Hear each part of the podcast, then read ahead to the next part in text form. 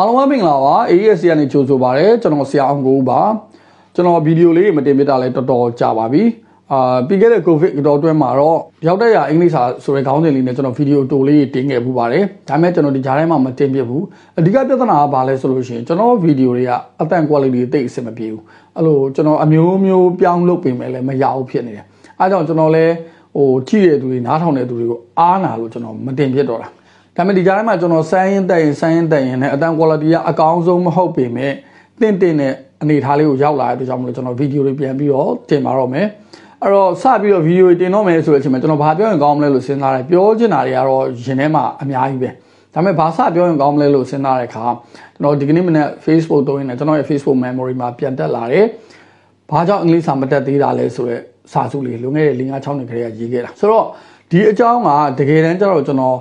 အာမနှစ်တစ်နှစ်လောက်က landing guide ဆိုပြီးတော့ဒီ AESC မှာ program လေးတစ်ခုလုပ်ခဲ့ဘူးတယ်အဲ့ program စစအချိန်မှာကျွန်တော်ပြောထားဘူးတယ်ဟောအဲ့ဒါလေးပဲပြန်တင်လိုက်ရင်ကောင်းမလားမသိဘူးဆိုပြီးတော့ကျွန်တော်အဲ့ video ပြန်သွားနားထောင်ကြည့်တဲ့အခါ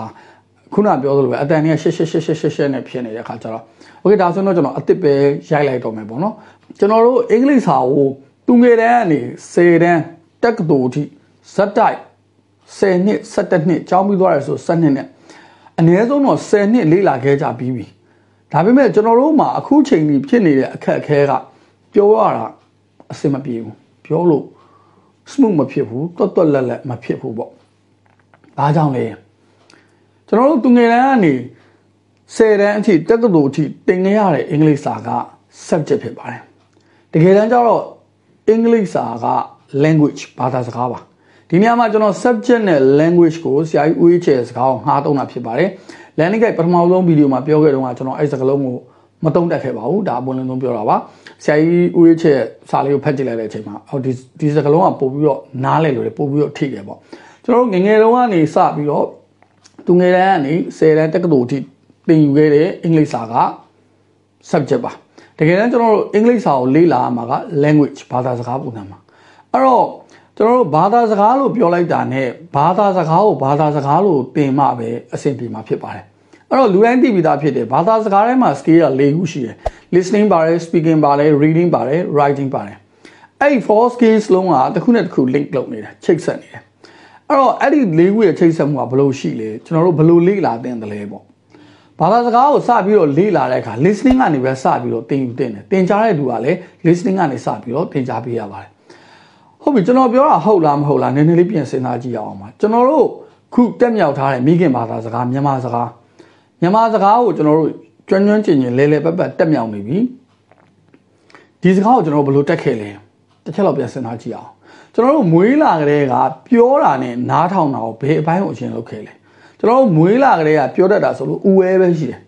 right ကျန်တာတော့ကျွန်တော်တို့နားပဲထောင်ခဲ့ရတာပဲအမေအဖေ အာပတ်ဝန်းကျင်သူတို့တွေကကျွန်တော်တို့စကားတွေပြောတယ်အဲ့ဒါကိုကျွန်တော်တို့တင်နားထောင်တယ်ကလေးတယောက်ဟာ average ပေါ့2 years ပေါ့နှစ်နှစ်လောက်ကြာတဲ့အခါစကားစပြောတယ်တချို့ကလည်းတစ်နှစ်တစ်နှစ်ခွဲလောက်ခရက်ပြောတယ်ဒါကျွန်တော်ပြန်မျှအချားမှချလိုက်တာဒါဆိုရင်နှစ်နှစ်လုံးလုံးကျွန်တော်တို့နားပဲထောင်နေခဲ့တာတနည်းအားဖြင့်ပြောရင် listening skill ကနေတဆင့် input တွေပေးနေတာကျွန်တော်တို့ word တွေခုနပြောတဲ့ phrases တွေ sentence တွေကျွန်တော်တို့နားထဲကိုထည့်နေတာအဲ့တော့ အဲ့လိုနားထဲကိုရောက်လာတဲ့စကားလုံးတွေကိုကျွန်တော်တို့က memorize လုပ်တယ်မှတ်မိလာတယ်ပြီးတော့ understanding ဖြစ်လာတယ်နားလည်လာတယ် okay ဒီလိုနဲ့နှစ်နှစ်လောက်ရောက်တဲ့အခါစကားစပြီးတော့ပြောလာတယ်ငါးနှစ်သားလောက်ဆိုရင်စကားကိုလဲလဲပက်ပက်ပြောတတ်သွားတယ် okay ဒါဆိုကျွန်တော်တို့ပြန်စဉ်းစားကြည့်အောင်နှစ်နှစ်လောက်ထိနားထောင်နေတယ်နားထောင်ပြီးတော့စကားပြောတတ်လာတယ်အဲ့ဒီနားထောင်ခြင်းဆိုတဲ့ listening skill နဲ့စကားပြောခြင်းဆိုတဲ့ speaking skill အဲ့နှစ်ခုကြားထဲမှာ link ဘယ်လိုချိတ်သွားလဲနားထောင်ခြင်းကဘယ်လိုပြောတတ်သွားလဲအဲ့ဒါအမှန်တမ်းမှအရေးကြီးပါတယ်နားထောင်ခြင်းကဘယ်လိုပြောတတ်သွားလဲဆိုတော့ repetition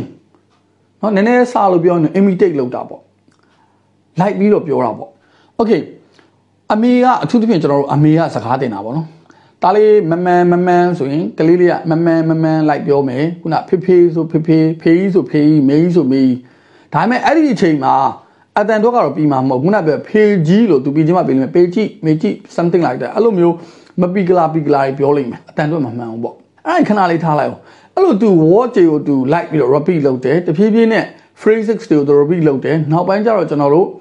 ဟိုဆန်းတဲ့တကြောင်လို့သူပြောနိုင်လာတယ်နှစ်နှစ်သားတန်းပြီးတော့မေးတာဘိုက်စာထမင်းစားမယ်လို့မပြောနိုင်ဘူးသူ word တွေ phrases တွေတဖြည်းဖြည်းနဲ့မှပြောလာတယ်အဲ့တော့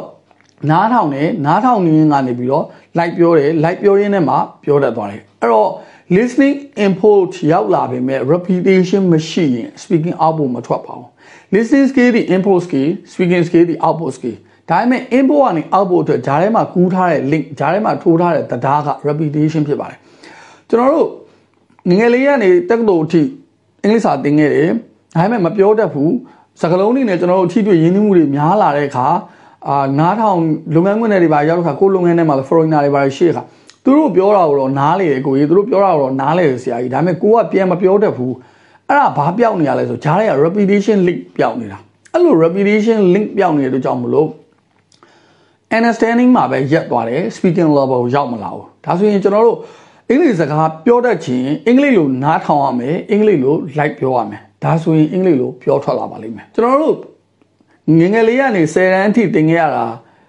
language မဟုတ်ဘူး subject ဆိုရင်အခုစနစ်တစ်မှာတော့ language ပုံစံပြောင်းနေပါပြီ false scale ပုံစံနဲ့ဖြစ်သွားပါပြီ course ကဒါပေမဲ့အဲ့ဒါကိုဘယ်လိုတွေသင်ကြားကြမလဲဘယ်လိုတွေသင်ယူကြမလဲဆိုတာတော့ကျွန်တော်အတိအကျမသိသေးဘူးအဲ့ဒီဘိုင်းကိုတော့ကျွန်တော်ထားခဲ့မယ်ကျွန်တော်တို့ဖြတ်တန်းခဲ့တဲ့အကြောင်းကိုကျွန်တော်ပြန်ပြောမယ်အဲ့တော့ listening ကနေပြီးတော့ speaking output ထွက်ခြင်း listening input ကနေပြီးတော့ speaking output ထွက်ခြင်းဂျားထဲမှာ repetition link လို့ပါတယ် repetition မရှိရင် speaking ပြောပြီးတော့မထွက်ပါဘူးအဲ့ တော့ကျွန်တော်တို့အဓိကက like မပြောတာကျွန်တော်တို့နားရဲကိုဝင်လာတဲ့ input တွေကိုကျွန်တော်တို့က memorize လုပ်လိုက်တယ် understanding လုပ်လိုက်တယ်မှတ်လိုက်တယ်နားလည်လိုက်တယ်အဲ့ညမှာပဲရက်သွားတယ်ပြောမထွက်ဘူးဘာလို့ပြောမထွက်ဘူးလဲဆိုတော့ like မပြောလို့ပါအဲ့တော့ English လို့များများပြောတဲ့ချင်း English လို့များများနားထောင်မှာ English လို့များများ like ပြောပါအဲ့တော့အဲ့ဒါကိုပို့ပြီးတော့မြင်သာထင်သာရှိတဲ့ဥပမာတစ်ခုပြောရမယ်ဆိုလို့ရှိရင်ဟာမင်္ဂလိတော်တော်များများသိတယ်အဝင်း မိုကီရာဆာရာဝင်းလာပါလေအပြည့်စုံတော့ကျွန်တော်မှပြောရတော့သူကမြန်မာလူမျိုးပဲတိုးတော်ညာလဲသူဂျပန်မှာကြီးပြင်းတယ်အဲ့တော့သူရဲ့ mother tongue ကမိခင်ဘာသာစကားမြန်မာဘာသာစကားဖြစ်ပေမဲ့သူဒီဂျပန်လိုပြောရတာအင်္ဂလိပ်လိုပြောရတာသူ့အတွက်ပို့ပြီးတော့တက်တောင့်တက်တာဖြစ်တယ်မြန်မာလိုပြောရရင်သူ့အတွက်အဲအခက်အခဲရှိတယ်ဒါပေမဲ့အခုသူကမြန်မာစကားတော်ကျွမ်းနေပြီเนาะโอเคနောက်တစ်ယောက်ကကျတော့ online exam သူက မြန်မာနိုင်ငံသားကချင်လူမျိုးဒါပေမဲ့သူအမေရိကမှာပဲကြီးပြင်းတဲ့အတွက်ကြောင့်မလို့သူ English လိုပြောရတာကိုသူ့အတွက်ပို့ပြီးတော့ smooth ဖြစ်တယ်ပို့ပြီးတော့တက်တောင့်တက်တာဖြစ်တယ်ပေါ့မြန်မာလိုပြောရတာအထင်ဒါကြောင့်မလို့ဘာသာစကားဟာ listening environment ရရင်သင်တန်းကိုတက်စရာမလိုဘူး auto ထွက်သွားတယ်ကျွန်တော်တို့မှာအဲ့ listening environment ကြီးမရှိတဲ့အတွက်ကြောင့်မလို့သင်တန်းတွေတက်ရတယ်သို့မဟုတ်ကိုယ်တိုင် listening environment ကိုဖန်တီးယူရတယ်အဲ့တော့အဲ့နေရာမှာ listening အကြောင်းကိုတော့ကျွန်တော် ဒီလောက်နေနေလည်းထားလိုက်မယ်ဘာလို့ဆိုတအားရှိလိမ့်မယ်ကျွန်တော်နောက်ဗီဒီယိုတစ်ခုမှတက်တက်ပြောပြမယ်ကျွန်တော်တို့က speaking output တော့မရဘူးဘာဖြစ်လို့လဲဆိုတော့ listening မရှိလို့ listening တော့ရှိတယ် speaking output မရဘူးဘာဖြစ်လို့လဲ repetition မရှိလို့ okay writing ကရောရေးလို့အဆင်ပြေပြီလားကျွန်တော်တို့ essay တစ်ပုဒ်ကိုကိုယ်တိုင်ကိုယ်ချရေးလို့အဆင်ပြေရဲ့လားဘာဖြစ်လို့လဲ theory မှာပြောတာက writing based on speaking မှာအရေးဆိုတာအပြောရပဲလာတာပါ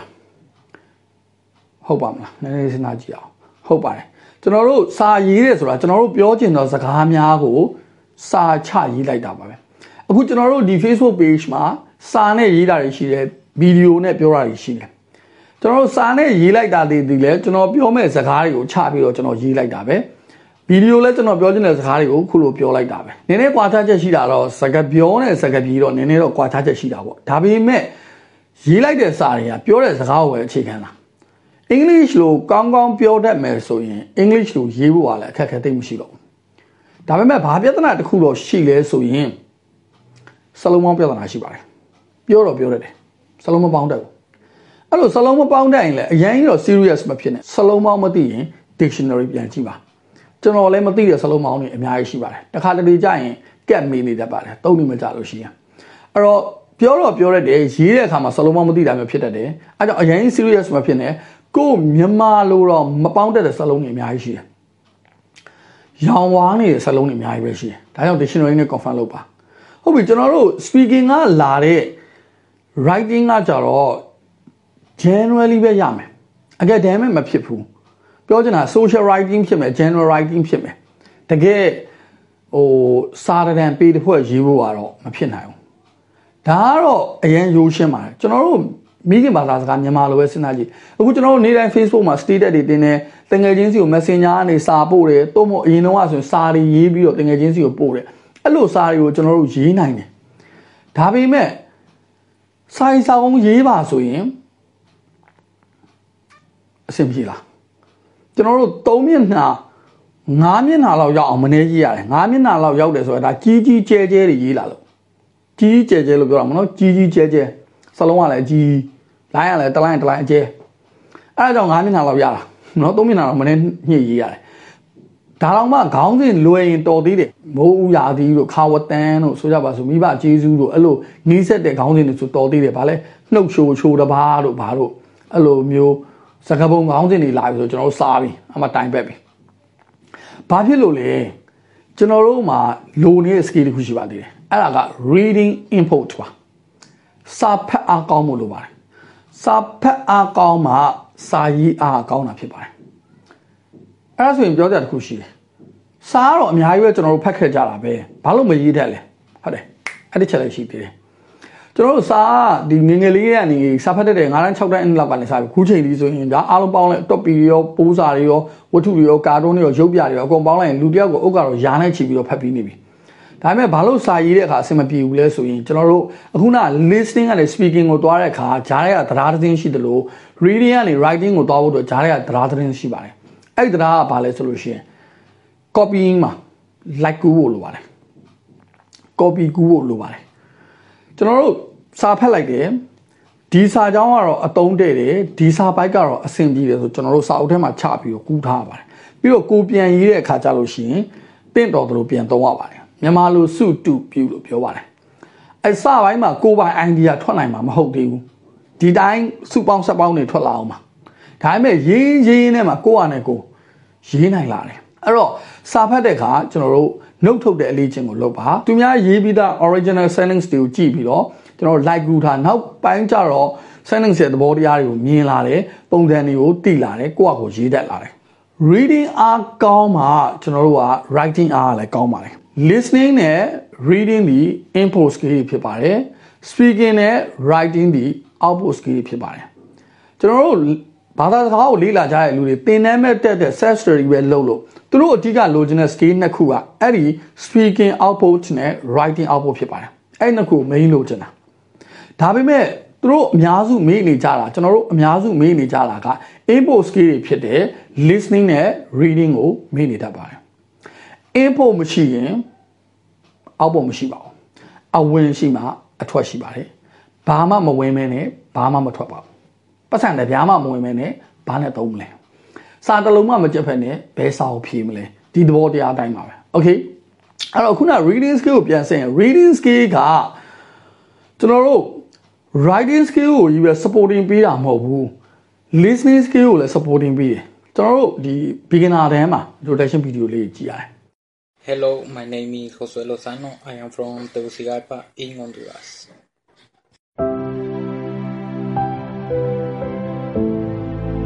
ကြားလိုက်တဲ့အချိန်မှာတော်တော်များများနားမလဲကြောက်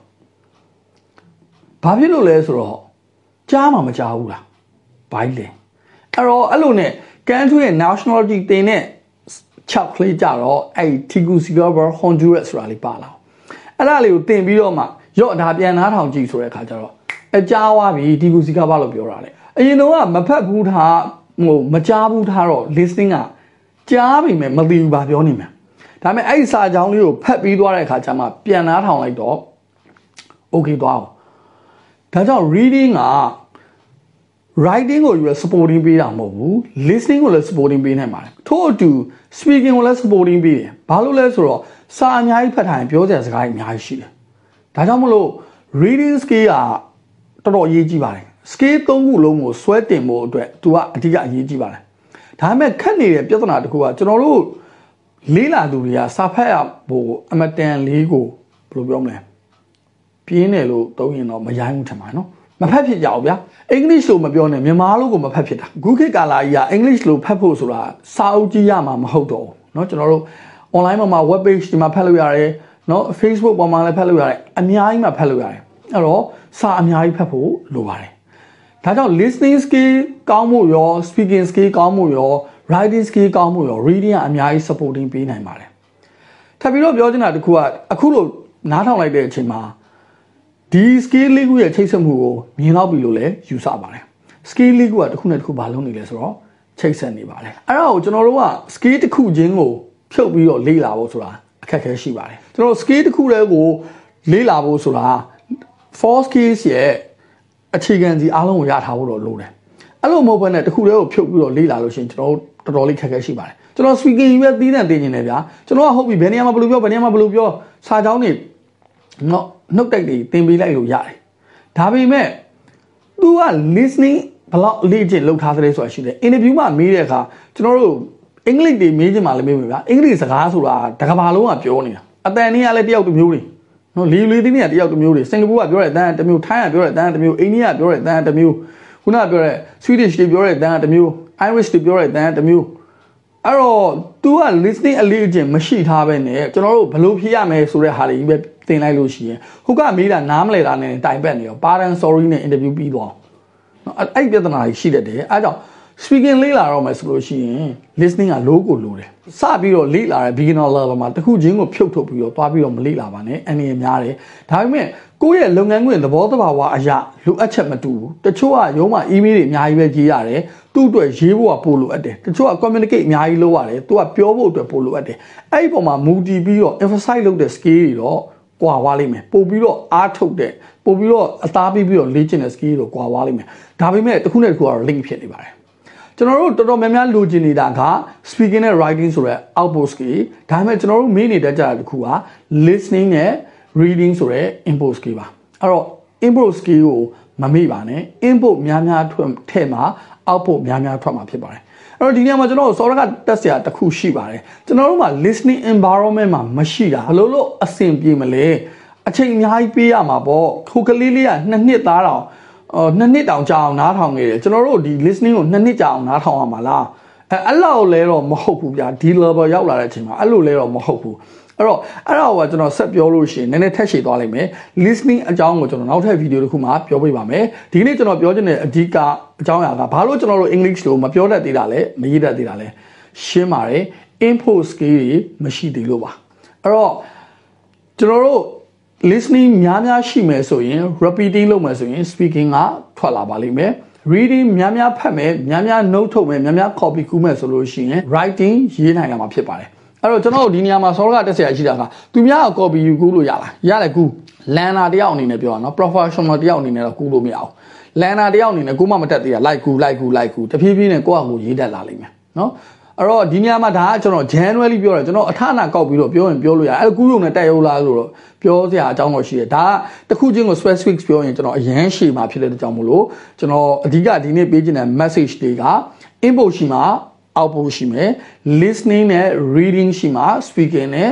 ကျွန်တော် writing ကထွက်လာမှာဖြစ်ပါတယ်။ဘာသာစကားကိုလေ့လာနေတဲ့သူတွေအားလုံးဒီ process လေးကိုမြင်မယ်နားလည်မယ်လို့လည်းယုံကြည်ပါတယ်။အကျိုးဆုံးတရားရရှိမယ်လို့လည်းယုံကြည်ပါတယ်။ကျွန်တော် အပတ်စဉ်အင်္ဂလိပ်ဘာသာစကားနဲ့ပတ်သက်တဲ့ဗီဒီယိုတွေကိုပုံမှန်တင်ပေးသွားနိုင်အောင်ကြိုးစားပါမယ်။ကျွန်တော်တို့ရဲ့ AAC page လေးကိုလည်း CFan follow လုပ်ထားပေးဖို့မြတ်တရားခံနေပါတယ်။ကိုယ့်အတွက်အကျိုးရှိရဆိုရင်သူများကြီးလည်းသိရအောင် share လုပ်ပေးစေချင်ပါတယ်။ကျေးဇူးအများကြီးတင်ပါတယ်ကျွန်တော်နောက်ဗီဒီယိုနဲ့အတူပြန်လာခဲ့ပါမယ်။